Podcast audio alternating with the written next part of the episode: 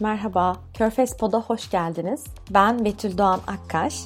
Bu hafta sizinle Körfez'deki siyasal kültürle ilgili konuşacağız. Odaklanacağımız ülke ise Katar. Katar'ın siyasal kültürünü konuşurken ilk bakmamız gereken anayasasında kendilerini nasıl tanımladıkları. Katar Anayasası'nın ilk maddesi Katar'ı bir demokrasi olarak tanımlıyor. Ama aslında hepimiz Katar'ın demokrasiyle yönetilmediğini biliyoruz. Bunun neden yazıldığını ya da neden anayasanın bu şekilde dizayn edildiğini bilmiyoruz. Bir sonraki maddede ya da birinci maddeyi takip eden diğer maddelerde aslında demokrasiyle ilgili başka hiçbir atıf yok. Fakat ilk maddede böyle bir durum yer almış. Fakat ülkelerin siyasal sistemlerini tanımlamak için bazı database'lere bakıyoruz, veri tabanlarına ve bu veri tabanlarının hemen hepsinde Katar zaten monarşi olarak tanımlanıyor. Fakat kendi anayasasında böyle bir ifade geçiyor. Bu çok mantıklı değil. Aynı anayasanın devam eden maddelerinde belirtildiği üzere Katar oligarşisi bir aile yönetimi üzerine kurulu. İngilizce el tani olarak okuduğumuz Türkçe'ye Arapça S harfinden dolayı el tani olarak geçen el tani ailesi ve özellikle bu ailenin bir kolu Katar'ın yönetiminden sorumlu. Ve bu aile yönetimi tamamen anayasada detaylarıyla ve diğer hükümete ait evraklarda detaylarıyla belirlenmiş monarşik sisteme sahip. Bu monarşik sistemin yapısıysa rantçı devlet dediğimiz temel üzerine kurulu. Dünyanın pek çok yerinde ekonomik sistemi bir doğal kaynağa bağlı olan ülkeler rantçı sistemle yönetiliyorlar. Bu ne demek? Devleti yönetenler yönettikleri insanlardan bir siyasal temsiliyet beklentisine sahip değiller. Onlara sahip oldukları ekonomik refahtan pay veriyorlar. Yani aslında yaptıkları işin karşılığı maaş olarak 1000 dolarsa onlara 5000 dolar maaş veriyorlar. Tepeden tırnağa sosyal devlet uygulamalarına gidiyorlar. Pek çok noktada onlara destek oluyorlar. Faizsiz krediler, ev destekleri, evlenme destekleri, iş imkanları vesaire vesaire gibi. Bu sayede sahip oldukları kaynakları halkla paylaşarak onların siyasal olarak devletten beklentisini düşürüyorlar. Tabii ki ülkelerin hepsi bu kadar cömert değil. Mesela Libya'da ya da başka Orta Doğu ülkelerinde sorunların yaşandığı Orta Doğu ülkelerinde rantçı sistemin çatlaklarını görüyoruz. Ama Körfez'de özellikle Birleşik Arap Emirlikleri, Kuveyt, Katar gibi daha zengin olan ülkelerde şu ana kadar bu noktada büyük sıkıntılar yaşanmadı. Ama Suudi Arabistan gibi kaynakları görece daha kısıtlı çünkü nüfusu daha fazla olan bir ülkede bu noktada daha farklı sorunlarla karşılaşıyorlar. Rantçı sistem bu anlamda siyasal kültür tanımlamak için çok önemli. Ve bahsedeceğimiz diğer siyasal kültür doneleri de zaten özünde rantçı sisteme bağlanıyorlar. Körfez'deki siyasal siyasal kültürü ele alırken her ne kadar biz Katar özelinde konuşsak da diğer körfez ülkelerinin de bu giriş bahsine dahil edebiliriz. Yalnızca bu rantçı özelliklerini odaklanmak da doğru bir yaklaşım olmuyor. Çünkü her ne kadar ekonomik yapıları siyasal ve toplumsal yapıyı etkilese de aslında bu devletlerin doğal kaynaklar öncesi süreçten kalan bir takım geleneksel siyasi mekanizmaları var. Ben Katar'da yaptığım bir alan araştırmasında, siyasal kültür üzerine yaptığımız bir alan araştırmasında özellikle bu noktaları sormuştuk e, araştırmamıza katılanlara. Geleneksel siyasal mekanizmaları şu an nasıl buluyorlar? Etkilerini nasıl görüyorlar? Bu çünkü aslında bütüncül bakmamıza neden oluyor. Yani her ne kadar bu ülkeleri şu an petrol monarşisi olarak tanımlayıp 2020'deki halleriyle tamamen siyasal sistemde ele almaya çalışsak da yıllardır süre gelen kabilecilik, ulus aşırı ilişkiler üzerine kurulu siyasi e, müzakere sistemleri aslında bizleri günümüzdeki sistemlerini de daha iyi anlamamız noktasında yardımcı olabilir. O nedenle Katar'ın siyasal kültürüne bakarken de bu rantçı anlayışın biraz daha ötesinde geleneksel dokuları da ele almaya çalışacağız. Siyasal kültürüyle ilgili üçüncü önemli nokta kısıtlı miktarda seçim yapılması. Geçen hafta bahsetmiştik önümüzdeki yıl divan için danışma meclisi için bir seçim yapılacağını söylemiştik. Danışma meclisi ve belediye seç, e, seçimleri Katar'da yapılan iki seçim. Belediye meclisleri şu ana kadar yapıldı fakat danışma kurulu için ilk kez seçim yapılacak. Kısıtlı oranda da olsa halk bir seçim hakkıyla sürece dahil oluyor. Ama söylediğimiz gibi batılı anlamda belli bir yaş sınırını aşan herkesin doğrudan seçme ve seçilme hakkı kazandığı bir sistemden bahsetmiyoruz. Siyasi elitin karar mekanizmasında olduğu, kendi seçtiği kişilerin oy kullandığı ya da kendi seçtiği kişilerin aday gösterildiği daha kısıtlı anlamda devam eden bir seçim süreci var. Bu nedenle bunu demokrasi demek ya da demokrasi olarak tanımlamak çok mümkün değil. Daha çok demokratikleşme diye geçiyor bu bebek adımları siyasal sistemin düzenlenmesinde. Katar'ın siyasal kültürünü ele alırken az önce bahsettiğimiz bu temel verilerin dışında bakmamız gereken diğer bir mesele devlet toplum ilişkisi. Bu noktada üç temel şeyi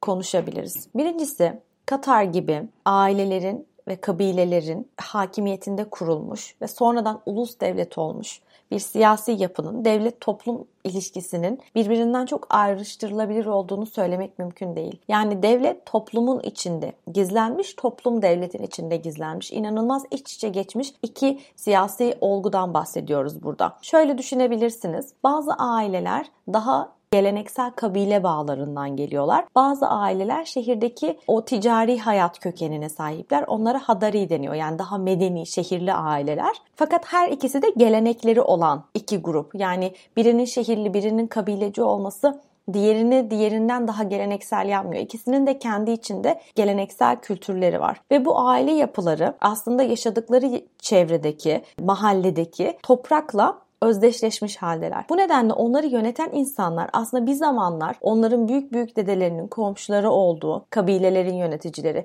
Yani toprakla bir bağları var bu insanların.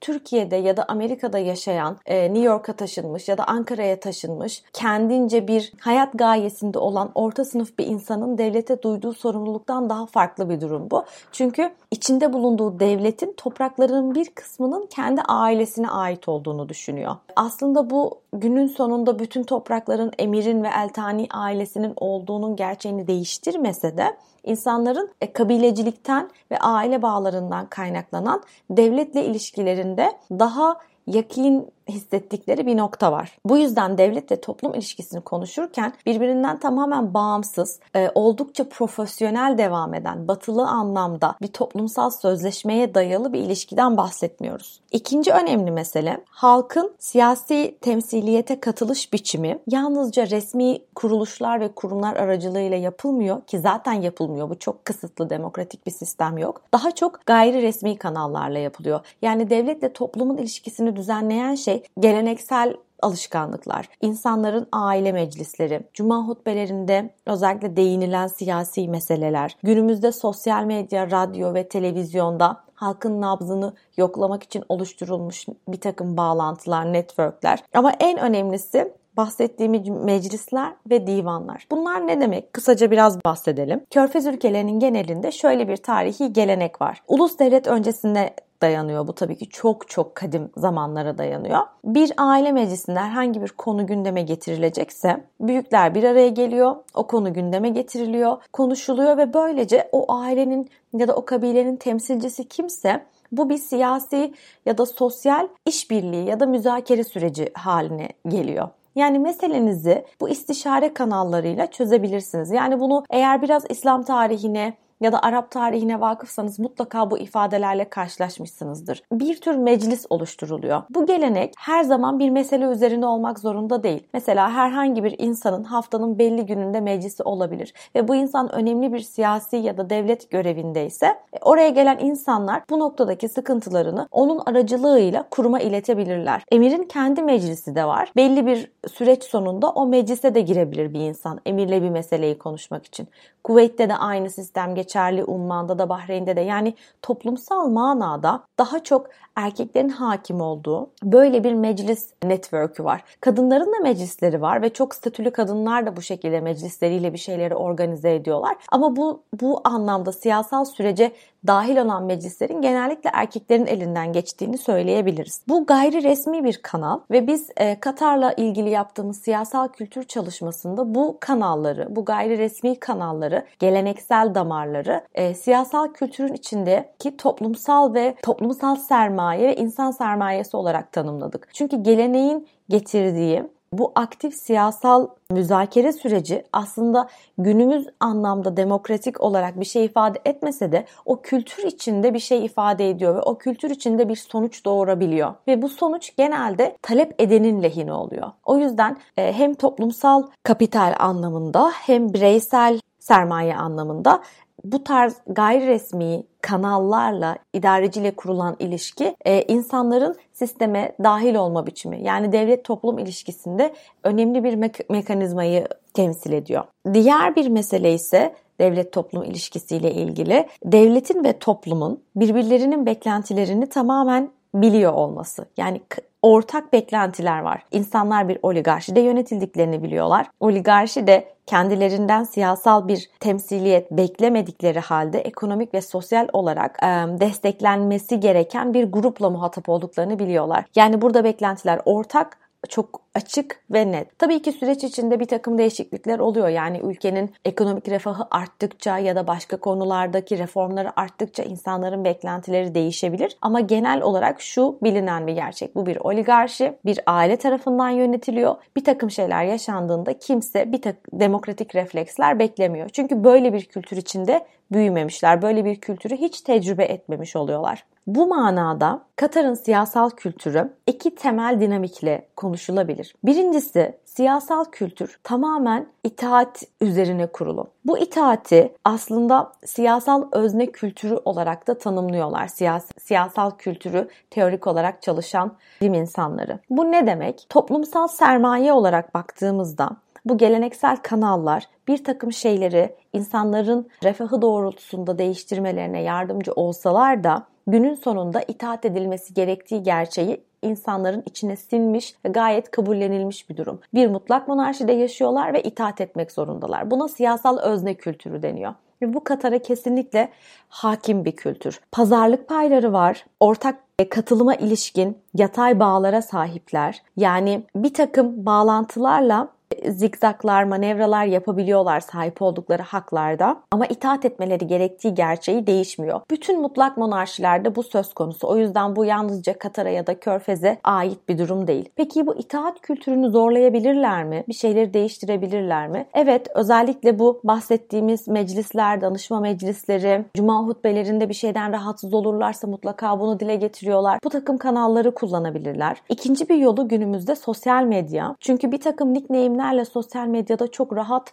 e, eleştiride bulunabiliyorlar. Çoğunlukla kendi isimlerini kullanamıyorlar yani sıkıntı yaşamamak için. Ama sosyal medyada nickname'le bile olsa yaşadıkları bir sıkıntı ile ilgili fikir beyan etmeleri yöneticilerin bundan haberdar olmalarını sağlıyor. Bu yani meseleye hem olumlu hem olumsuz katkı sağlayan bir durum. Ama en azından insanların görünürlüğünü arttırdığı için bu manada olum, olumlu bir etkisi olduğunu söyleyebiliriz. Bir diğer mesele ise radyo ve televizyon programları televizyon programlarına ve radyolara Türkiye'de geçmişte yaşandığı gibi çok fazla bağlanıyor insanlar. Yaşadıkları sıkıntıları paylaşıyorlar. Özellikle Katar'da sabahları yapılan bir radyo programı var. İşte elektrik faturasında sorun yaşayan, yolda sorun yaşayan, mahallesiyle ilgili bir sorun yaşayan, okulla ilgili bir sorun yaşayan herhangi birisi bağlanıp bunu çok rahat orada anlatabiliyor. Çünkü programın amacı toplumun nabzını tutmak. Ve bilindiği kadarıyla Emir bu programı birilerine dinletiyor ve toplumda yaşanan bir takım gerginlikleri, sıkıntıları bu sayede öğreniyor. Bu noktada şunu söylememiz lazım. Bu kadar ağır itaat kültürünün olduğu, insanların siyasal özne kültürüyle bir siyasi hayat yaşadığı bir ülkede nasıl siyasi tansiyon oluşmuyor devlet ve toplum arasında? Burada şu önemli. Elbette siyasi tansiyonlar oluşuyor. Elbette sıkıntılar oluşuyor. Ama bu bahsettiğimiz gayri resmi kanallar yani meclisler, cuma hutbeleri, sosyal medya, halkın bir takım refahla memnun edilmesi o tansiyonu alıyor. Bu tansiyonun alınmadığı noktada elbette sıkıntılar yaşanıyor. O yüzden aslında monarşi yönetimi ne kadar baskıcı, itaate dayalı gözükse de pek çok manevrayı da beraberinde zorunlu bir şekilde getiriyor. Çünkü aksi takdirde özellikle günümüz teknolojisinde ve değişen bir çağda bu toplumu istikrar altında tutmak oldukça zor. İkinci önemli mesele Katar'ın siyasal kültürünü teorik olarak konuşurken ortak beklentilerin tanımlanmış olması ve bu ortak beklentilerin devletin ekonomik bir takım hizmetlerine dayalı olması. Siyasal kültürü konuşurken e, bir değerler setinden bahsediyoruz. Bu değerler seti ele aldığımız toplumun hem tarihini hem içinde bulunduğu siyasi yapıyı hem ekonomik yapıyı yansıtıyor.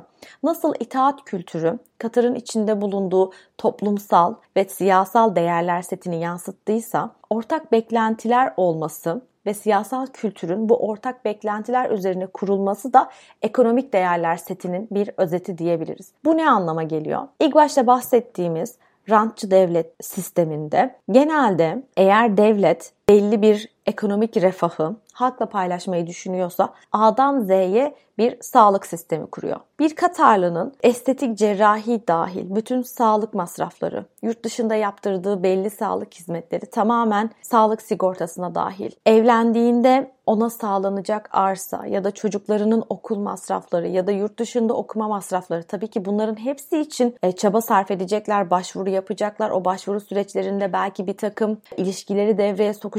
Yani bu doğrudan verilmiyor. Ama bu imkanlar var hazır ve bunu almak için uğraşabilirsiniz. Yani ortak beklentiler, değerler seti vatandaşların devletten ekonomik olarak kazançlarını yansıtıyor. Devletin ise vatandaşlardan politik anlamda bir beklentisi olmaması gerçeğini yansıtıyor. Yani bir Katarlı'nın ben şu şekilde yönetilmek istiyorum demesini beklemiyorlar. Bu bir yazılmamış fakat kabullenilmiş bir anlaşma gibi. Yani toplumsal sözleşmelerden bahsederken siyaset biliminde çok çetrefilli zor süreçler anlatılır hep. Avrupa tarihinde, Orta Doğu tarihinde diğer ülkeler için ama Körfez bölgelerinde yaşanan süreç aslında biraz e, konuşulmamış, kabullenilmiş bir durum. Aniden gelen bir refah var. Bazıları bu refahı hediye olarak tanımlıyor. Bazıları bir lanet olarak tanımlıyor. Yani tamamen ekonomik sisteme nasıl baktığınıza bağlı. Ama sonuçta aniden gelen bir refah var ve bu refah üzerine kurulmuş bir siyasal sistem var. O yüzden ortak beklentilerin siyasal temsiliyet ve ekonomik refah arasında gidip geldiğini, hassas bir dengede olduğunu söyleyebiliriz.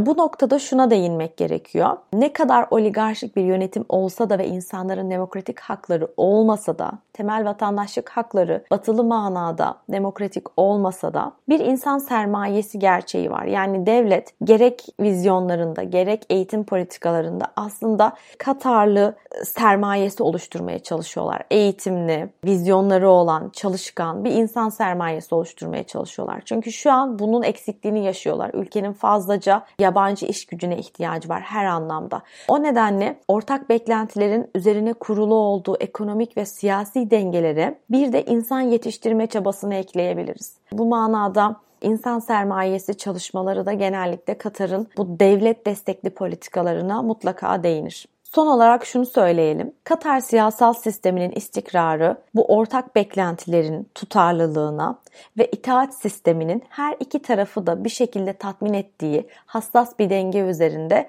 devam etmesine bağlı. Daha önce bahsetmiştim 2017 yılında yaşanan bir kriz var ve bu krizden sonra Katar havadan, karadan ve denizden ambargo altına alındı ve ekonomik olarak, politik olarak zor bir durumda bırakıldı. Fakat Katar devleti bununla baş ediyor. Bu baş ediş süreci aslında toplumsal bir uyanış oluşturdu. Bazı çalışmalar bunu yeni milliyetçilik olarak tanımladılar Körfez genelinde. Çünkü hem Katar'a ambargo uygulayan Suudi Arabistan, Bahreyn, Birleşik Arap Emirlikleri bir takım milliyetçilik girişimlerinde bulundular. Hem Katar'ın üzerinde uyguladıkları ambargo hiçbir siyasal talebi olmayan insanları birden Katarlı olmakla gurur duydukları bir noktaya getirdi. O süreçte ben Katar'daydım. İnanılmaz şaşırdık yaşanan değişikliklere. Normalde pek çok oligarşide her yerde yöneticinin fotoğrafı olur e, monarşide. Katar'da hiçbir şekilde emirin böyle her yerde fotoğrafı falan yoktu. Fakat ambargadan sonra her yerde arabaların üstünde, evlerde, iş yerlerinde, mağazalarda her yerde Katar bayrağı,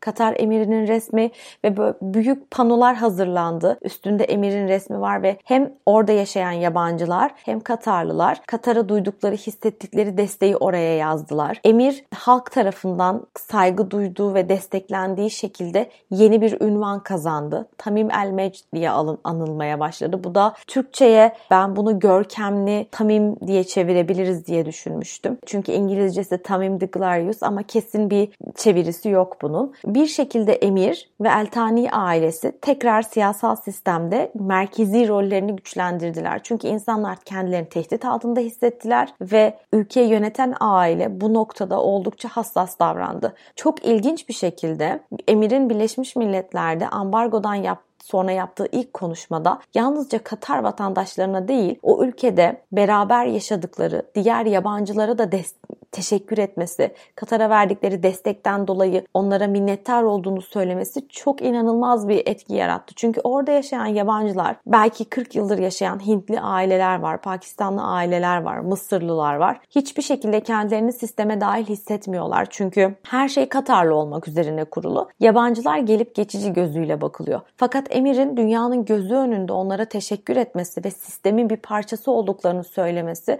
oldukça anlamlıydı. Daha bütüncül baktılar. E, bu anlamda ambargo sürecinin toplumsal aidiyet ve siyasal kültür anlamında bir uyanış getirdiğini, yalnızca Katarlılar için değil, o ülkede yaşayan insanlar için de sisteme ve devlete bağlılık duygusunu yenilediğini söyleyebiliriz. E, bu sürecin üzerinden 3 yıl geçti. Tabii ki her şey eskisi kadar, ilk zamanlarki kadar sıcak değil yani bütün gelişmeler, yetçilik hisleri vesaire. Ama kesinlikle farkındalık manasında bir artış olduğunu söyleyebiliriz. Katar'da yaptığımız alan araştırmasında ve Katar Üniversitesi'ne bağlı bir araştırma merkezinin yaptığı araştırmada şöyle bir sonuç ortaya çıktı. Ambargodan sonra insanlar devletlerinin siyasal tercihlerine ve siyasal sistemlerine daha çok ilgi duyduklarını söylediler. Yani yaşanılan bu kriz siyasal kültürle ilgili bir farkındalık yarattı.